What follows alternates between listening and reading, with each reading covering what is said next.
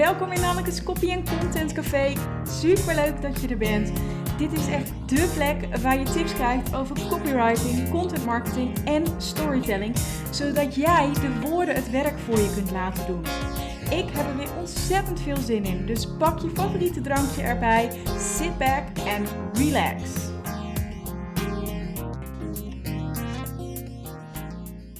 Leuk weer dat je luistert naar een nieuwe aflevering van het Copy en Content Café. Dankjewel dat je het Copy en Content Café bezoekt. En ook deze week heb ik weer een gast. En dat is business coach Erno Hanning. En wij volgen elkaar op uh, Twitter. Maar dit is eigenlijk via LinkedIn ontstaan, waar we ook al een hele tijd een uh, connectie hebben. En ik vind het superleuk dat ik Erno mag welkom heten in uh, de podcast. Erno, welkom. Dankjewel, Annika. Ja, superleuk dat je te gast wil zijn. En uh, ja. ik um, ga meteen van wal steken. Jij weet dat ik je wat dilemma's uh, voor ga leggen. En uh, mm-hmm. je zei net dat je had geluisterd naar de podcast. Dus een aantal komen je misschien bekend voor. Maar een aantal zullen ook een verrassing zijn. Dus ik ben heel erg benieuwd naar jouw reactie erop. En als je er op eentje terug wil komen, dan mag dat. Ja. Ik ga beginnen. Boek lezen of Netflixen? Boek lezen. Zoet of hartig? Zoet. Online ondernemen of offline ondernemen? Offline. Koffie of thee? Oh, 100% thee. nou, dan ben ik het met je eens. Leuk. Uh, tompoes met het dakje erop of eraf eten? Dakje, dakje erop. Eerst opeten trouwens, het dakje. Oké. Okay. Lente of herfst? Lente, dan begint de mooiste tijd. Oh, daar ben ik ook wel met je eens. Ik ben ook een lentekind, in de lente geboren. April. Ja. ja. Uh, gedachten kunnen lezen of onzichtbaar zijn? Ja, dit, die had ik ook gehoord, die vraag. Ik had echt geen enkel idee, joh. Gedachten lezen, maar er zit geen motivatie achter. Oké. Okay. Um, Duitse Cruise of Beyoncé? Oh, wacht even. Oh ja, ik verstond het eerst niet. Ik dacht Duitser. Oh nee, Duitse. Oh. Ik heb echt. Duitser, dat is het Nederlands. Oké. Okay. Uh, blog of podcast? Holy shit. um. ah, dit is gemeen. I know. Uh.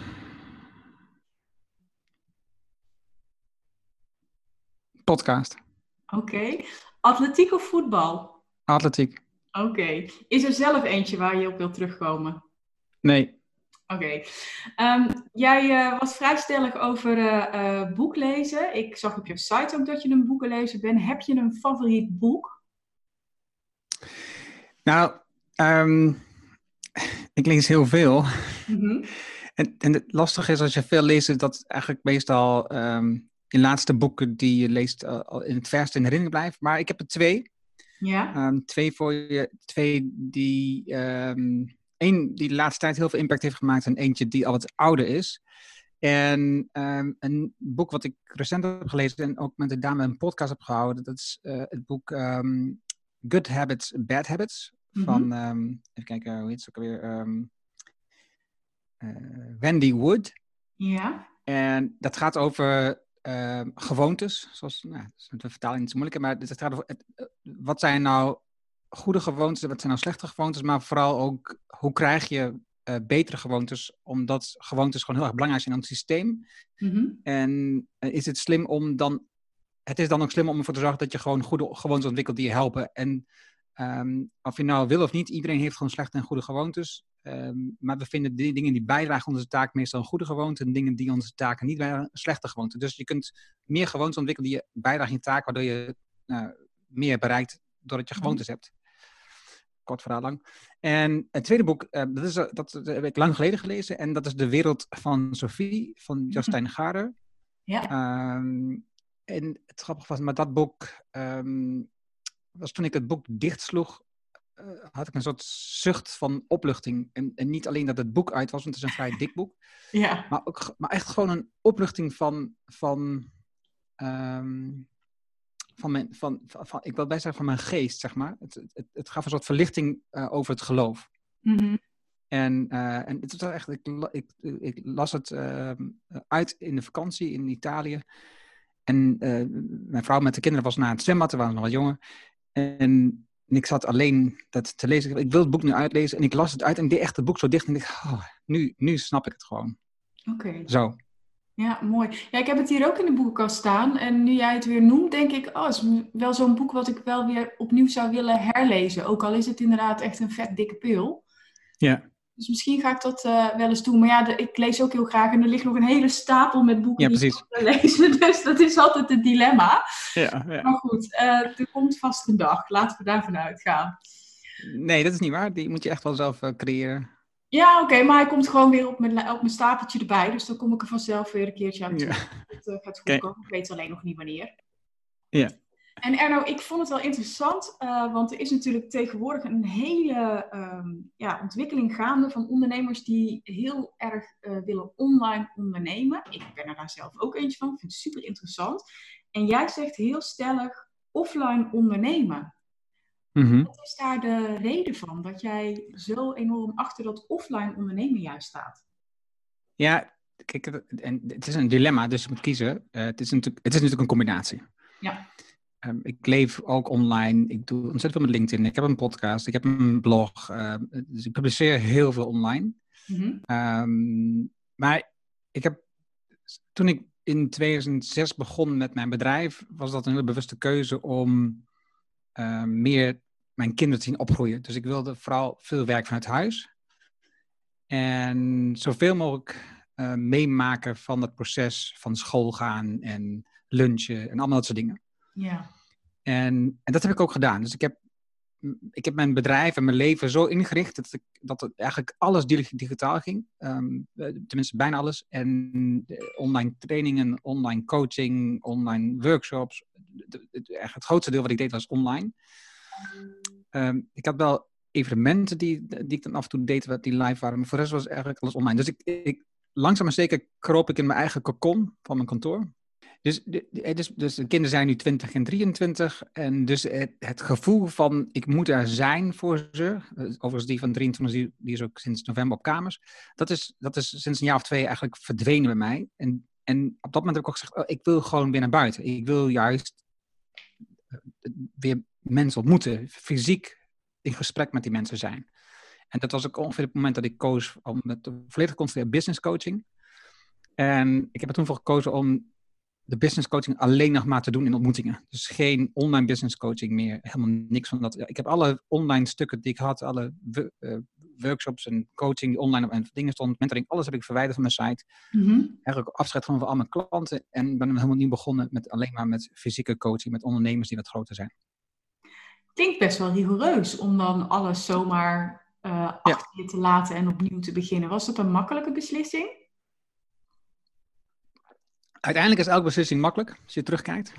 Mm -hmm. als je natuurlijk in het proces zit, is het niet makkelijk. Hè? Dus, dus um, um, ik weet dat, um, ik zat op dat moment in een proces waarbij ik was aan het omschakelen van mensen helpen bij hun online zichtbaarheid. Dus dingen voor hun doen. Naar ook een soort funnel, online funnel van mensen bouwen met online marketing, met e-mail marketing, wat soort dingen. Het allemaal voor klanten opzetten. Mm -hmm. En toen was ik in gesprek met mijn eigen business coach. En Um, hij zei, waarom ga je niet eigenlijk hetzelfde doen als ik doe, gewoon mensen meer coachen? Je hebt een leeftijd bereikt en een soort um, expertise, dat ik denk dat je niet meer het uitvoerende werk moet doen, dat je vooral um, adviserend moet bezig zijn. Mm -hmm. nou, ik moest even wennen aan dat idee. Maar ik had eigenlijk net, zeg maar, in alle online omgevingen mijn naam, uh, uh, de, achter mijn naam de titel zo om, veranderd nadat je met online, oh sorry, met uh, funnel marketing bezig was. Ja. En, en toen zei ik, ja, moet ik dan nu weer alles gaan veranderen? En ik had er staan online um, funnel expert, volgens mij is het eigenlijk. Een trainer. Ik zei, nou weet je, laat gewoon dat trainerdeel staan en voeg daar dan uh, business coach aan toe. Ja. Um, een andere opdracht die ik van hem meekreeg was van, ga iedereen in je netwerk bellen voor afspraken. Mm -hmm. Zodat je aan hun kunt vragen, wat is eigenlijk op dit moment wat je bezighoudt. En aan het einde van het gesprek kun je zelf wat vertellen wat je bezighoudt, de verandering is. En dit is dan je verandering. En dat heb ik gedaan en ik had in drie maanden honderd afspraken. Wow. En ja, ja dat kan. en, um, uh, en bij de eerste, na het derde gesprek wist ik het 100% zeker. Ik moest gewoon, het moest gewoon business coach zijn. Ja. Dus, dus uiteindelijk was dat stuk niet meer zo moeilijk. Oh, super mooi. Ja. En, en er zijn natuurlijk heel veel business coaches. Waarin onderscheid jij je, Erno? Nou, ik denk dat, ik denk dat het, um, het business coaching aan zich, uh, daar, mogen er best ook veel, heel veel van zijn. Het is, het is een, een vak apart. Um, mm -hmm. Zeker als je dat doet op een manier uh, waarbij je echt bij de klant betrokken bent. Dus, dus het is niet zo dat een klant um, één keer per maand bij me komt en, en, en een gesprekje hebben en dan is het klaar. Nee, ik volg de klant, we doen dingen, ik ben er vaker. En dus, dus je bent heel erg in het proces van een klant zijn bedrijf betrokken, of haar bedrijf. En, um, en dat zie je bij de, veel business coaches die nu um, op LinkedIn nog ziet. Ze hebben online standaard programma's, um, gecombineerd met offline misschien. Mm -hmm. Maar het zijn allemaal soort standaard programma's. Hoe je naar een ton groeit of hoe je uh, zichtbaar wordt en weet ik dan wat. En, en, en zo werk ik niet. En, en, en in mijn optiek als je de coaching doet, is het gewoon, je stelt vooral veel vragen aan degene. Ja. En op basis daarvan kijk je, wat zou nou een goede weg zijn voor jou? Wat zou, wat zouden de goede nieuwe ideeën zijn? Wat, wat zijn alternatieven die je kunt toepassen? Mm -hmm. Wat zijn mensen die je zouden kunnen helpen? En dus dat is, een, dat is iets wat je continu doet, uh, wat past bij die ene ondernemer. Ja. En, en, en daarvoor moet je dus ook heel erg uh, betrokken zijn bij die ondernemer. En dus ook bereikbaar zijn en, en, en ze volgen, mm -hmm. zodat je weet wat er speelt. Ja. Dat is voor mij wel een belangrijk verschil. Ja, dus jij richt je echt op de, op de maatwerk uh, trajecten, zeg maar, met jouw klanten. Ja, ja, ja. En in, in principe heb ik ook geen, geen contract met een klant. Um, elk uh, gesprek um, sluiten we af met een nieuwe afspraak voor de week op, of sorry, voor de maand op. Mm -hmm. En dat is um, en als de klant dat niet wenst, dan, uh, nou ja, dan hebben we geen afspraak. Ja. Maar elke maand maken we een afspraak gewoon. En dat gaat vanzelf. De behoefte bij de klant is er om, om dit door te zetten. En klanten blijven ook gewoon uh, anderhalf, twee jaar tot nu toe. Dus, dus zolang, als, zolang als ik met de eerste klant ben begonnen. Ja. Dus, ja, dus, dus het is een heel logisch iets. Ik heb ook dan geen contract nodig of zoiets. Nee, snap ik. Jij bent dus eigenlijk in, in uh, het bedrijf van jouw klant of voor jouw klant ben jij een soort mentor. Is er voor jou ook iemand die jij als een soort mentor ziet of iemand die voor jou uh, een hele belangrijke rol heeft gespeeld in, in je leven of misschien nog wel speelt? Ja, ik heb verschillende uh, processen doorgemaakt. Ik heb de afgelopen, sinds 2006, 13, 14 jaar veel veranderingen doorgemaakt. Mm-hmm. Um, ik heb een traject gevolgd bij Laura Bablioski. Ik heb een tijd met Nico Oud samengewerkt. Ik heb in een mastermind gezeten. Ik heb nog, nog steeds zit ik in een mastermind. Um, ik heb een dagelijkse buddy waar ik mee bel. Mm-hmm. Um, dus er zijn veel dingen waar ik gebruik van maak. Maar ik denk dat uh, mijn belangrijkste mentor zijn eigenlijk de boeken die ik lees. Ja, dus dus ik, ik lees veel uh, wat te maken heeft met hoe je nu um, betere beslissingen neemt als ondernemer, hoe je je organisatie beter inricht, hoe je beter met je medewerkers omgaat. En al die inzichten gebruik ik weer in de gesprekken met de klanten. En dat is, dat is eigenlijk is dat mijn mentor. Dus ik, wat ik ga doen, ik maak gebruik van vaak um, jarenlang, misschien wel decennia lange onderzoek van mensen, zoals van die Wendy Wood. Mm-hmm. Uh, dat is, die heeft 30 jaar onderzoek gedaan naar gewoontes van mensen in, op een universiteit. En, en, en, en dat, die kennis gebruik ik. Ja. Dat zijn mijn mentoren eigenlijk. Ja, precies. Dus het hoeft niet in, altijd in een persoon te zijn. Jij zegt, ik heb het in de vorm van boeken en ik haal daaruit wat ik eruit haal en pas dat toe en help mijn klanten daar weer mee. Ja. Super mooi. Ja, ik ben ook echt een boekenwurm, dus ik herken het ook wel uh, heel erg. Ook de combinatie wat je zegt, hè, tussen werken met coaches en buddies en masterminds. En, maar ook vooral heel erg uh, uh, boeken en kennis uit boeken opslurpen, vind ik ook echt heerlijk. Ja. Ja. Um, ik ben ja, ook niet, te vergeten, niet, niet te vergeten, Nanneke, want Sorry, ja. um, ik, heb, ik heb natuurlijk mijn podcast. Ja. En, um, en, en eerlijk gezegd, ik, ik, ik heb daar een vrij egoïstisch uh, doel mee. Ja, vertel. Dus, dus, dus ik, ik, ik zoek mensen uit waarvan ik denk dat zij iets waardevols hebben te vertellen aan de wereld of aan mij of aan misschien mijn klanten. Mm-hmm. En daarvan maak ik de afspraak met die mensen en ik, en, ik, en ik slurp kennis op in het gesprek. Het is, dus ik stel vragen om te leren van die persoon in dat gesprek. Dat is eigenlijk mijn belangrijkste doel in het gesprek. Natuurlijk, een ander doel wat ik heb is die persoon een platform geven om die kennis te verspreiden. En als er maar één iemand ook iets aan heeft, omdat ik dat op een podcast deel, dan is het al klaar voor mij. Dus dat is, dan heb ik er gewonnen, zeg maar. Ja, maar dat is ook hartstikke mooi. Ik, ik uh, herken dat ook wel als je mensen interviewt. Hè? Er is altijd wel een inzicht wat je opdoet of, of een les die je leert. En dat is uh, super mooi, omdat het uit alle kanten en alle hoeken naar je toe komt. En je van, van iedereen wel iets kunt leren. Dat ben ik uh, absoluut met je eens. Ja, mooi. Um, ik denk dat jij de Stanford speech van Steve Jobs wel kent. Hij heeft het daar over connecting the dots. Hè? Dat zijn dus als je terugkijkt op je, op je leven. Jij zegt net ook al, hè, achteraf kijkend, dan zijn uh, alle beslissingen makkelijk. Maar ook als je terugkijkt, dan zie je heel vaak dat dingen zijn gebeurd in je leven. En dat je dan ja, er zeg maar een rode draad in ziet.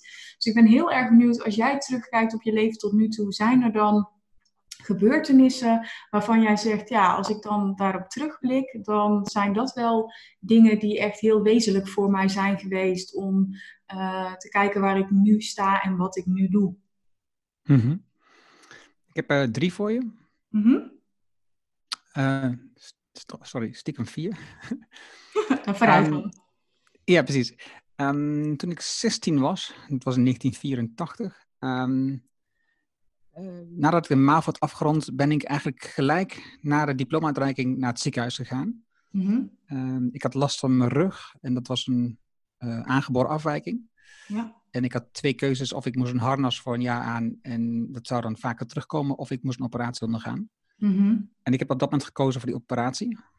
En um, dat betekende, omdat dat aan je rug is, uh, dat, dat moet vastgooien voordat je weer kunt gaan lopen, dat ik 15 weken um, heb plat gelegen, op bed heb gelegen. Ja. En um, daarvan, um, even denken, negen weken in het ziekenhuis en zes weken in het um, Roesink, een revalidatiecentrum. Mm -hmm. En in die periode, vooral in het Roesink, zie je enorm veel. Zie je heel veel mensen die enorm veel pijn en verdriet zijn aangedaan en die proberen hun leven op te bouwen. Dat, ja. dat was een, um, ja, echt een, een ingrijpend iets in mijn leven. En daarnaast heb ik ook heel veel lol gehad in diezelfde tijd. De Olympische Spelen van Los Angeles waren op dat moment en dat was s'nachts. Dus wij keken s'nachts heel veel in de Olympische Spelen. Dat was gewoon dingen die je normaal nooit zou doen. Ja, ja. toen had je toch tijd, dus dat maakt het niet uit. um, bijna tien jaar later uh, ben ik, uh, nee, acht jaar later ben ik afgestudeerd. En na mijn eerste schijnbaan uh, kreeg ik mijn eerste echte baan, zeg ik altijd, bij een Amerikaans bedrijf, One for All. Mm -hmm. Die had ook een vestiging in Nederland. Enschede, dat was eigenlijk de hoofdvestiging voor Europa. Niet eigenlijk, dat was de hoofdvestiging voor Europa. En daar had ik twee managers. De directeur-eigenaar van het bedrijf One for All BV. En ook een Amerikaanse manager die verantwoordelijk was voor de verkoop van de techniek in Europa vanuit Amerika. En het is een beursgenoteerd bedrijf. Um, en dat heeft heel veel uh, effecten op wat je aan het doen bent. Uh, met kosten en met kwartaalcijfers. En um, die, het was hard werken. Het, waren aparte bazen die elkaar tegenspraken. En ik moest daar mijn weg in vinden. En dat heb ik 2,5 eh, jaar gedaan. En dat was ook zo'n keerpunt in mijn leven. Het was, ik heb twee maanden in opleiding gezeten in de VS op dat moment, in Los Angeles. Dus heel veel mooie dingen meegemaakt, maar ook heel hard veel dingen geleerd. Ja. Um, in 2009, toen was ik dus uh, drie jaar zelfstandige, 2,5 jaar. Mm -hmm was er een beurs in, nou, die is elk jaar in, Las Vegas, de CES in januari. Maar ik had uh, een bepaalde vraag van iemand gekregen en ik had mezelf gesteld, oh dat lukt daar onderzoeken. Dus ik ben naar de CES gegaan, de Consumer Electronics Show in Las Vegas. En dat was een beetje in de, de, de vrij fanatieke periode van bloggen in Amerika. Mm-hmm. Dus het, het, was ook een evenement, CES, waar veel bloggers worden uitgenodigd door bedrijven om daar uh, te komen bloggen over hun producten. En, um, en ik heb die reis aangegrepen om met heel veel bloggers kennis te maken en af te spreken. En ik maakte kennis met um, de Social Media Club. En ik maakte kennis met de WordCamp. Um, dus ik heb uh, een aantal mensen gesproken die boek hadden geschreven. En die heb ik mee naar Nederland genomen en een uitgever gebracht. En vooral dat laatste was van belang, want toen ik bij de uitgever zat om een ander boek te promoten. Van kijk, hier is een gaaf boek wat ik heb gevonden in Amerika. Misschien moet je het uitgeven in Nederland. Mm -hmm. Heb ik een ook gezegd. En eigenlijk zou ik zelf ook graag een boek schrijven. En dat is gekomen. Dus in 2009 schreef ik ook mijn eerste boek. Dus dat jaar was ook heel belangrijk voor mij. Dus die CES, die Las Vegas reis, dat speelde een cruciaal rol in dat moment. Heel top, ja. En um, de meest recente, dat is um, wat ik net al vertelde, is dat mijn zoon die ging in november vorig jaar uit huis. Die ging op kamers. En zoals ik al zei, dat, de aanloop daar naartoe, dat was een nieuwe fase om eigenlijk veel meer van uh, offline naar online te gaan. En echt weer um, persoonlijk contact te maken en met business coaching te starten. Mm Want je twijfelde ook best wel even toen ik je dilemma voorlegde, om even terug te komen op een eerder, eerder punt, zeg maar, um, uh, tussen bloggen en podcasten. En je vertelde net ook mm -hmm. toen in Amerika uh, heel veel met dat bloggen, zeg maar, bezig bent geweest. Waar zat mm -hmm. voor jou de enorme twijfel in het dilemma uh, bloggen of podcasten? Daar ben ik wel nieuwsgierig naar. Ja, ik doe ze allebei. Mm. Veel en graag en met plezier. Ik schrijf um, iedere werkdag een artikel, publiceer ik ook op mijn site. Ja. En één keer in de week een podcast opname. Mm -hmm. En um, voor mij is bloggen, zeker de laatste anderhalf jaar, uh, een middel om um, de dingen die ik opdoe overdag in gesprek met klanten, maar ook boeken die ik lees en gesprekken die ik online zie, om erover na te denken en duiding te geven door erover te schrijven. Een beetje à la Seth Godin. Hè? Dus een dagelijks artikel schrijven, dat dwingt je toe om uitspraak te doen, om jezelf um, een positie te nemen op bepaalde onderwerpen. Mm -hmm. uh, dat is dus één. En de tweede is, um, het is super gaaf om afspraken te maken met mensen, ondernemende mensen of ondernemers. En die mensen een uur lang te ondervragen en te leren van die mensen. En dat in een podcast te delen. En mm -hmm. voor mij is het dus niet zo belangrijk wat het bereik is van die twee dingen. Voor mij is het veel belangrijker wat leer ik ervan door dit te doen. En natuurlijk, beide leveren uiteindelijk ook um, aandacht op en luisteraars en mensen die daar, uh, daardoor van je leren. Maar het belangrijkste is zelf kennis vergaren en weer delen. Ik vind het wel mooi, want er gaan heel veel geluiden ook nu op. Hè, dat mensen zeggen, nou je moet als, als ondernemer, en zeker als online ondernemer, moet je minimaal toch wel video maken of uh, podcasts. Want mm -hmm. alleen dan uh, uh, leren mensen jou kennen en je persoonlijkheid. En dat kan veel minder in bloggen. Hoe sta jij daar tegenover? Ja, ik denk dat je uiteindelijk. Uh, ik, ik, ik, video's maak ik ook nog dat ik niet eens noem. Maar ik denk uiteindelijk dat het, het, het gaat erom dat je het middel kiest wat het beste bij je past. -hmm. Ik heb met veel ondernemers gewerkt om te werken aan hun online zichtbaarheid, aan hun bereik online. En het is voor, voor mij is het niet ingewikkeld. Voor mij, zoals ik al zei, ik schrijf nu gewoon elke dag. Ik maak elke week een video en ik maak elke week een podcastopname. En het ritme, dat, is, dat, dat ligt mij van nature. Dat, ik vind het fijn. Zeker als ik iets dagelijks mag doen, dan, is het, dan wordt het vrij snel een gewoonte. Klopt. En dus, eh, dan hoef je er niet over na te denken, dan moet je het gewoon gaan doen. Hè? Dus ik heb een vast tijdstip, een vast proces om het op te zetten. Maar voor de meeste mensen is dit ingewikkeld en lastig. Mm -hmm. En dus ze zijn bezig met hun eigen klant, met hun eigen proces. En dat is het allerbelangrijkste waar ze over nadenken zijn. Dat, en dan, als ik dan voorstel om te gaan bloggen of een video te maken of om een podcast te maken, dan is dat iets wat ze extra moeten doen. Dat is niet wat ze gewend zijn. Dat ligt niet van nature. Dat hebben ze niet geoefend. En dus kies dan het, de manier die het dichtste bij je komt, die je het meest handige vindt. En um, als je als je een schrijver bent, en dat zeggen veel mensen, is dan, dan is bloggen gewoon een heel goede methode om ervoor te zorgen dat je zichtbaar wordt voor mensen. En, en je kan dan schrijven voor de zoekmachine, maar ik vind het wel belangrijk om gewoon zelf te schrijven, ideeën te positioneren. Mm-hmm. En als ik dan bijvoorbeeld iets tegenkom bij een klant, wat over een onderwerp gaat waar ik over schreef, dan stuur ik altijd die linkjes door. Dus ik gebruik die content ook in het delen van inzichten met klanten. Um, maar bij nou iemand die meer is van het spreken, omdat hij veel podia staat, dan, dan zou video of podcast ideale middelen zijn om, om, te gebruiken. En een podcast werkt sneller, is makkelijker. Het edit is niet ingewikkeld. Um, video is ietsje lastiger als je, als je video's maakt die, die, um, die mensen willen kijken, laat ik het zo zeggen. Ja. En uh, ja, dan, maar het voordeel van video is weer, en dat is ik zelf ook, als ik, ik, ik kijk best wel veel ook video's op YouTube, omdat ik uh, een aantal van die mensen volg, is, is je, je, je, je wordt in die wereld gezogen van die mensen. Dus je, je, je gaat mee met hun ontwikkeling, met hun leven. Mm-hmm. Dat heb je in een podcast natuurlijk niet. In een podcast hoor je uh, een verhaal, een, uh, iemand spreken, je hoort iemand wordt geïnterviewd. En dus je leert veel van één persoon, maar de volgende keer is een andere persoon. Mm-hmm. En bij een video is, als je, als je dat tenminste goed doet, je, je, zit gewoon in hun leven, in hun proces. En dat, en dat vind ik super gaaf van video. Dus alle kanalen, alle middelen hebben gewoon een eigen voordeel. Ja. Um, maar je kan ze, de meeste mensen kunnen het niet allemaal doen. En ook als je begint, kies er één die het dichtst bij je ligt. En, van, en, en loopt dat helemaal goed, kun je dan van daaruit verder bouwen.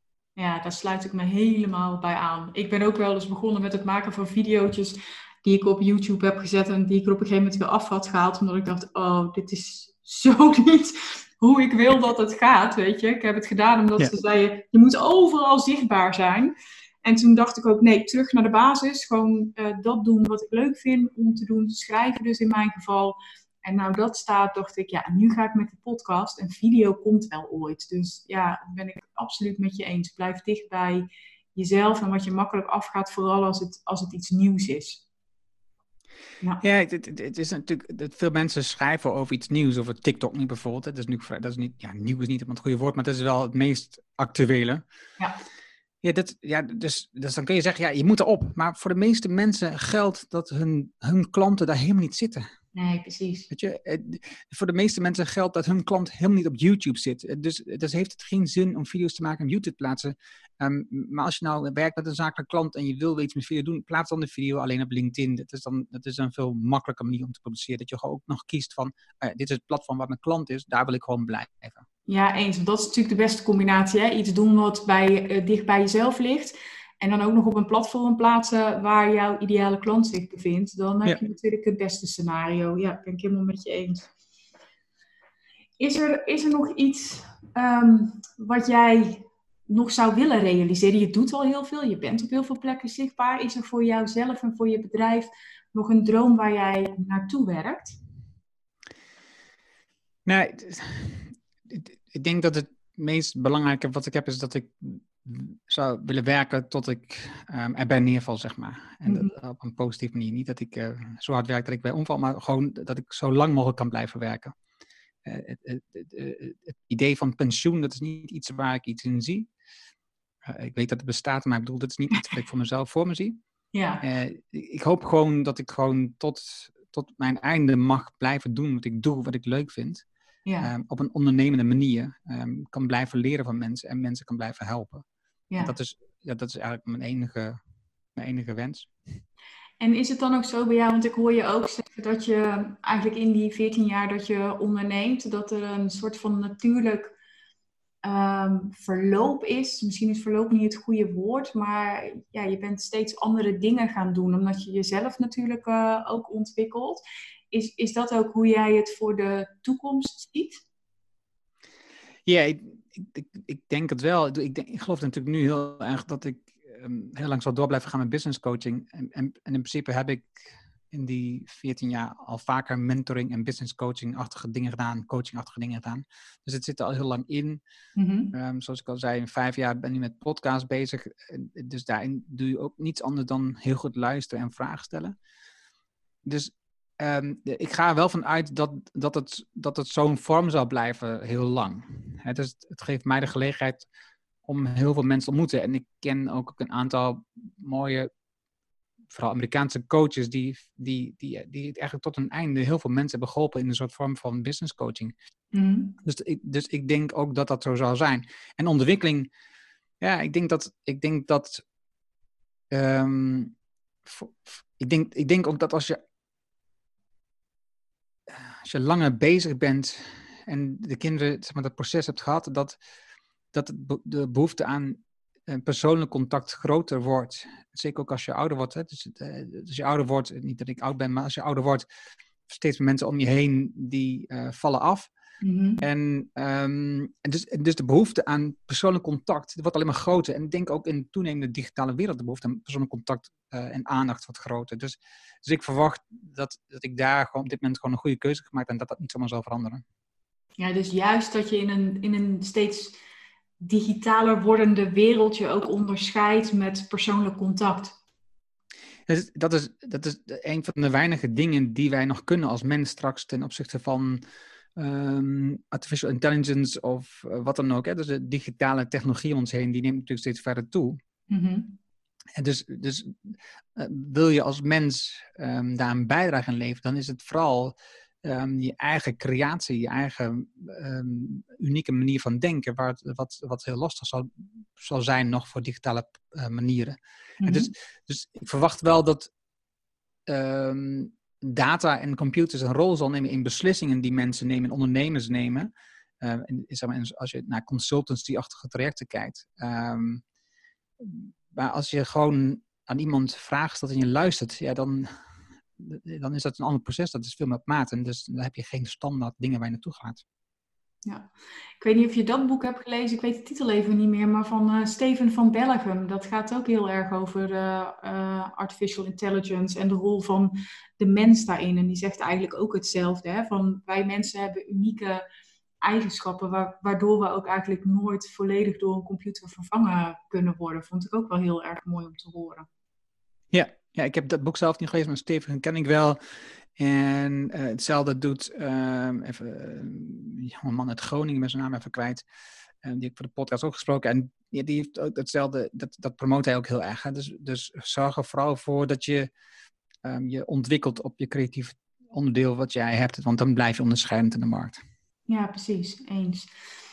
Daarnaar kijkend, ook uh, op de toekomst, heb jij voor jezelf nog plannen of doelen waarvan je zegt van uh, daar ben ik mee aan de slag, die, die wil ik bereiken? En dan mag het persoonlijk zijn, maar ook voor je bedrijf? Ja, ik, ik, ik heb, ik, ik, kijk niet zoveel verder vooruit dan, dan een jaar. Mm -hmm. ik denk dat het heel lastig is om veel verder vooruit te kijken dan een jaar. En um, Um, en ik heb uh, voor mezelf een lijstje gemaakt van dingen die ik, die ik maximaal wil doen. Dus, dus, dus doelen is niet iets waar ik per se mee werk, maar wel wat ik maximaal wil doen. Zodat ik, zodat ik weet, als ik dat op die manier organiseer, mm -hmm. um, dan heb ik een, nou, een, een, een mooi leven en veel ruimte over. En mm -hmm. dus, dus maximaal 10 één op één business coach klanten, uh, maximaal zes ondernemers in de eerste groepscoaching. Dat is het programma wat nog moet starten. Uh, maximaal vier boekjes per jaar publiceren. Dus nou, daar ben ik mee gestart. Mijn eerste boekje komt nu uh, um, vanmiddag komt de gedrukte versie aan. Mm -hmm. uh, maximaal drie 4B-evenementen organiseren. Maximaal twee denkweken inplannen. Um, ik heb twee marathons, halfmarathons gepland voor dit jaar. En één ultramarathon gepland voor dit jaar. Wauw. Het is wel een hele andere manier van denken natuurlijk. Hè? Van wat, wat is het maximale dat ik wil doen, zodat ik ook weer maximaal tijd voor andere dingen overhoud. Dat, dat proef ik er ook een beetje uit. Uh... Ja, ja. Mooi. Ja, en ik, hoe, dat is, hoe is dit zo ik, ontstaan? Is dit ook iets wat je gelezen hebt? Of is het gewoon, heb je dit zelf bedacht? Of? Nee, dit, ja, dat is denk ik, ja, alles wat je zelf bedenkt is een, is een combinatie van alles wat je ooit hebt gelezen en gehoord. Dus dat is, dat, ik weet niet precies wat vandaan komt meer. Um, maar wat ik wel gemerkt heb, is, ik heb in, zoals ik al zei, in veel mastermind-achtige omgevingen gezeten en ook in, in uh, coachingprogramma's. En er is veel focus en aandacht op, um, laten we zeggen, vooral financiële doelen. Het is, mm -hmm. uh, even voor het gemak, hè, dus een ton omzet is natuurlijk een magisch getal waar veel mensen aan werken, of uh, een miljoen omzet of wat dan ook. Ja. En, um, en wat ik gemerkt heb, is dat ik heel erg optimistisch kan zijn aan het begin van het jaar over het cijfer. En dus het getal en dat enthousiast ben, ook ideeën heb hoe ik dat zou kunnen invullen met eh, producten en omzet. Mm-hmm. En gaandeweg van het jaar merk ik dat de teleurstelling steeds groter wordt omdat ik het niet realiseer. En dat is, mm-hmm. dat is me echt al meerdere keer overkomen. Ja. Het, het komt puur door enthousiasme.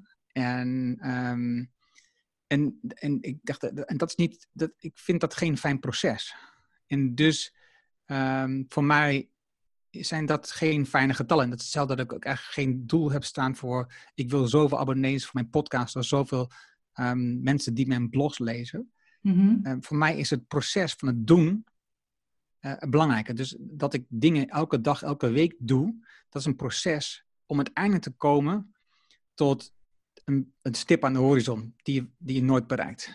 Mm-hmm. Het is dus... Um, ik wil dit jaar één keer een ultramarathon lopen. Dat zal mijn eerste zijn. En um, overigens, dat is de, de, ondergrens is 50 kilometer. Dat is de minimale afstand die moet op een ultra, om de ultra te mogen noemen. Mm-hmm. En, um, maar dat, dat, betekent eigenlijk dat ik het hele jaar bezig, want het is, het is november, het hele jaar bezig ben om mezelf kilometers in de benen te krijgen om dat te kunnen doen. Mm-hmm. En het draait alleen maar om het proces, wat, hoeveel kilometers ik deze week um, het liefste zou willen lopen.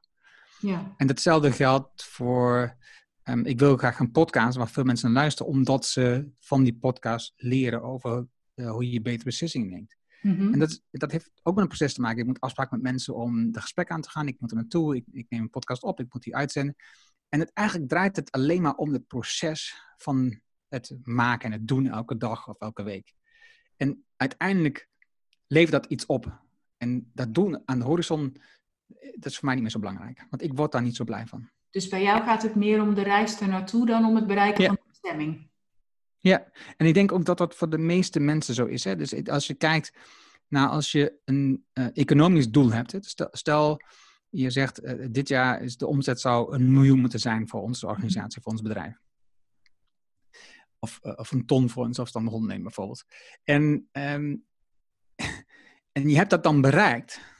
Dan is de enige stap die je eigenlijk nog zet voor het jaar erop, mm -hmm. is dat het 1,1 miljoen wordt of ja. 1,3 miljoen. Het moet, het moet, het kan niet minder, het moet meer. Dus het die, die, ook die drive van altijd meer, die zit erachter. Ja. En, um, en dan heb je, dan stel je, je haalt je, bedoel, je doel in november. Hè? Dus je hebt een miljoen gesteld als doel of, of een ton als doel. En je haalt dat november. Nou, dan is mhm. het dus één minuut bij jezelf. Oh ja, ik heb het gehaald. En daarna is het, oh ja, nu het volgende doel. Ja. Het is ook de, de, de, het plezier wat je hebt aan het bereiken van het doel is ook heel betrekkelijk. Dat is heel erg kort. Ja, precies. En de weg naartoe duurt over het algemeen veel langer. Dus het is ook veel om daarvan te genieten. En niet alleen ja. van ja, dat behalen van dat doel. Ja. Ja, dat snap ik wel. Dat is wel een hele mooie manier om er ook naar te kijken, absoluut. Erno, ik ben benieuwd of dat jij um, nog een afsluitende les of een tip of een takeaway hebt um, voor de luisteraar. Wil je nog iets meegeven? Ja, dan, dan kom ik op mijn eigen um, onderwerp uit, uiteraard. En dat is hoe je als ondernemer beter beslissingen kunt nemen. Mm -hmm. dat, dat, dat is waar ik heel veel over lees, leer en, en ik adem, zeg maar, uh, beter beslissingen nemen en ondernemerschap. En um, dus wat ik hoor in, is dat veel mensen uh, zeggen: ik vertrouw op mijn onderbuikgevoel. dus, ik, mhm. dus ik, ik, ik baseer mijn beslissingen en, en, ik, en ik vertrouw enorm op wat ik voel in mijn lichaam, um, wat ik uiteindelijk moet kiezen. En um, de, de, de werkelijkheid wijst uit, de praktijk wijst uit, dat dat onderbuikgevoel is vaak een slechte raadgever. Mm -hmm. En dat komt omdat um, de beslissingen waar je, vaak niet het goede woord, maar in ieder geval bij beslissingen waarover je nog niet zoveel ervaring hebt, um, heeft je onderbuikgevoel heeft niet zoveel om zich aan vast te klampen. Het onderbuikgevoel is, is, is uh, gebaseerd op ervaring die je hebt opgedaan en dingen die je dus vaak hebt gedaan. Daar kan de onderbuik heel eenvoudig een beslissing op nemen, want dat heb je vaak gedaan, dan weet hij ongeveer de weg die je kiest. Mm -hmm. Maar iets waar, wat je nog net besloten hebt, dan moet je een ander proces kiezen om na te denken over beslissingen. En dus als je voor een lastige beslissing staat uh, in je leven of in je bedrijf, neem dan dan de tijd voor om die goed voor te bereiden. En, en uh, ik heb dan een voorbeeldje, dat is een proces wat ik heb geleerd van Pieter van Os, maar dat is de PMIXA-methode. Oké. Okay. En die is gebaseerd op de, uh, het hoedjesdenken van Edward de Bono. Mm -hmm. die heeft allemaal niet gekeerde hoedjes, ik weet niet of je dat toevallig weet. Petjes. maar in ieder geval, um, de P staat voor plus, dus je gaat nadenken, wat zijn eigenlijk um, de plussen voor mijn beslissing? Wat, wat, zijn alle goede dingen aan die beslissing? Mm-hmm. En de tweede stap is dat je nadenkt over wat, is er, wat, zijn, wat zijn de minnen aan beslissing? Wat, wat, wat zou er niet goed kunnen gaan? En dat is een stap die veel mensen overstaan, dat ze enthousiast zijn over de keuze die ze gaan maken. Maar het is belangrijk dat je goed nadenkt over de dingen die ook mis zou kunnen gaan. Mm-hmm. Dan um, de I van interessant. Um, wat komt er nog meer in je op? Denk aan uh, alternatieven die je zou kunnen doen in plaats van dat wat je nou, waar voor de keuze die je voor staat. Wat zijn andere dingen die je zou kunnen noemen met diezelfde tijd? Mm dan krijg je expectations, uh, dus de X. Uh, welke verwachtingen heb ik van de uitkomst van een beslissing? Wat is, wat is wat ik ervan verwacht wat er gebeurt uiteindelijk als ik het besloten heb? En als laatste heb je de A van actie. Mm welke actie ga ik ondernemen als ik de keuze heb gemaakt? Kan zijn dat je mensen moet informeren dat je iets niet doet. Het kan zijn dat je mensen moet informeren dat je wel dingen doet, maar je moet in ieder geval een actie ondernemen. En een aanvulling die je nog kunt nemen is dat je dan daarna de keuze voor jezelf, het proces en wat je besloten vastlegt in je agenda. Om naar bijvoorbeeld uh, een half jaar terug te kijken en je beslissing te evalueren. Zodat je kunt leren van je beslisproces. Mm En dat is wat veel mensen nalaten, is dat ze leren van hun eigen beslissingen. En Um, het kan best wel zijn dat je een proces hebt waar je toevallig tegenaan bent gelopen en dat je een goede keuze gemaakt en dat dat een goed effect heeft op je bedrijf. En dat je daar een goede klant binnen gaat of een goede omzet mee gescoord. Maar dat het een toevalstreffer was. Het is veel handiger om ervoor te zorgen dat je je proces goed ontwikkelt. Dat je toekomstige beslissingen ook goed zijn. Ook al was deze ene beslissing heeft niet het, gewenste resultaat opgeleverd, maar wel dat je werkt aan een goed proces. Dus ehm, ehm, denk goed na over lastige beslissingen. Bestudeer die gewoon goed, win informatie in en gebruik dan de PMIXA-methode. Um, dat is eigenlijk een beetje wat, het, wat mijn tip zou zijn.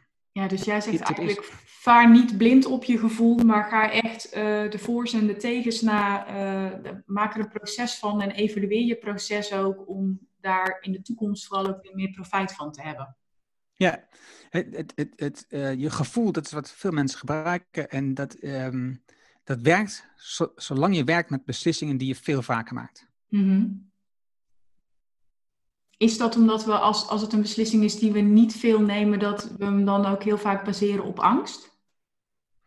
Nee, nee, dat, nee dat, kan, dat hoeft niet per se op angst te zijn. Dat kan ook op optimisme gebaseerd zijn. Hè? Dus dat je heel erg optimistisch bent over een bepaalde uitkomst. Mm dus bijvoorbeeld, eh, je, je, denkt na, zou ik um, mijn dienst ook kunnen lanceren in een andere markt? Mm en, en, en, dan kun je vol met optimisme zitten over de groei van die markt of hoe groot die markt is en de kans is dat je dat gaat um, uh, behalen. He, dus dat, mhm. dat, in plaats van angst kun je ook uh, kun je heel optimistisch zijn. En, um, en, het is, en als je dan zegt, ik doe dat op basis van mijn gevoel, uh, zou ik zeggen, oké, okay, zet dat e-, even aan de kant, parkeer het heel even dat gevoel en onderzoek gewoon die markt. Kijk, kijk, wat zijn de kansen? Wat zijn de negatieve elementen? Wat zou er kunnen gebeuren als het misgaat? En wat mhm. zijn de andere dingen? Wat zou je, welke andere markten zou je kunnen bestormen als je, als je deze niet zou bestormen? Of wat zou je andere dingen kunnen doen die je met jezelfde klanten die je nu al hebt, um, kunt uitbreiden, meer omzet reduceren in plaats van nieuwe markten betreden? Dus onderzoek alle opties die er zijn, in plaats van op basis van ofwel angst of op basis van te veel positiviteit te kijken naar je kans die voor je staat. Ja, precies. Dus niet als kip zonder kop je gevoel volgen, maar iets meer tijd nemen, met wat meer afstand naar kijken en dan uh, op basis van een gedegen keuze actie ondernemen. Ja, ja. Okay. Helder.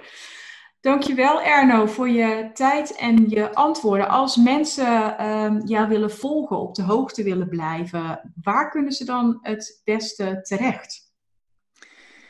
Ja, er zijn, er zijn um, twee plekken in principe waar ik het uh, meeste contact heb met mensen. Uh, dat is natuurlijk mijn website, ernohanning.nl. Uh, maar op LinkedIn, dat is het kanaal waar ik ook veel te vinden ben. En daar deel ik ook veel dingetjes en daar reageer ik op veel dingen. En dus um, als je, link, als je Erno Hanning op LinkedIn zoekt, dan, nou ja, het is dan vind je mij zeker beslist, want dat is maar één Hanning, dat scheelt. kan je zeggen, dat kan niet missen. Nee, dat kan niet missen. Kan niet missen. En het is um, misschien nog goed om aan te vullen, het is een business coach. En ik werk vooral met ondernemers die in um, de zogenaamde rollercoaster zitten. Mm -hmm. En dat is de fase van zo'n 8 tot 25 medewerkers, um, als je naar het groeiproces kijkt. En dat zijn ondernemers die eigenlijk uit die start-up fase komen en doorgroeien. Mm -hmm. En en, en nu moeten veranderen. Ze moeten zelf vooral veranderen en dat, dat lukt niet zo goed. En ze zien telkens weer dat ze terugvallen in een vorig niveau. Ja. En ik help hen over die drempel heen eigenlijk. Oké, hartstikke mooi. Nou, dus als je Erno wilt volgen, dan uh, weet je nu waar je terecht kunt op zijn website. Hij blogt, hij podcast, maakt video's, is vooral heel erg actief op uh, LinkedIn. En uh, in ons voorgesprek vertelde Erno dat Twitter vooral nog zijn hobbyproject is. Maar ook daar kun je hem dus vinden. Um, heel leuk als je laat weten wat je van de podcastaflevering vond. Uh, ik ben zelf het meest actief op uh, Instagram, dus je kunt uh, op LinkedIn iets posten en Erno en mij daarin taggen. Of als je um, ook een Insta-fan bent, maak dan een screenshotje, plaats hem bijvoorbeeld in je feed of in je stories en tag mij er dan in. Dan zal ik het Erno ook laten weten. Als er een uh, tip is die je uit de podcast hebt gehaald, of een inzicht of een takeaway, vinden we hartstikke leuk om uh, te horen allebei. En dan nogmaals, dankjewel voor jouw tijd en je antwoorden. Leuk dat je in het uh, Copy en Content Café was. En dan dankjewel, Anneke. Ja, graag gedaan. En dan wil ik iedereen nog een hele fijne dag wensen namens mezelf en ook namens Erno. Doeg! Doeg!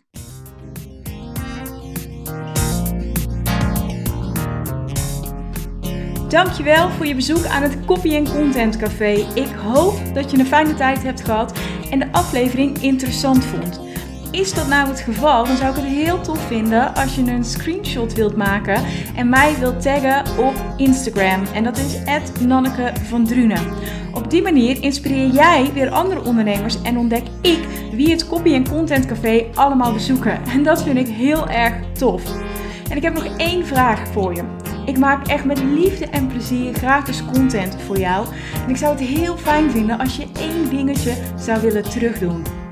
En dat is een review voor me achterlaten op iTunes. En dat kun je doen door onder de podcast helemaal naar beneden te scrollen en me daar te laten weten wat jij uit de podcast haalt.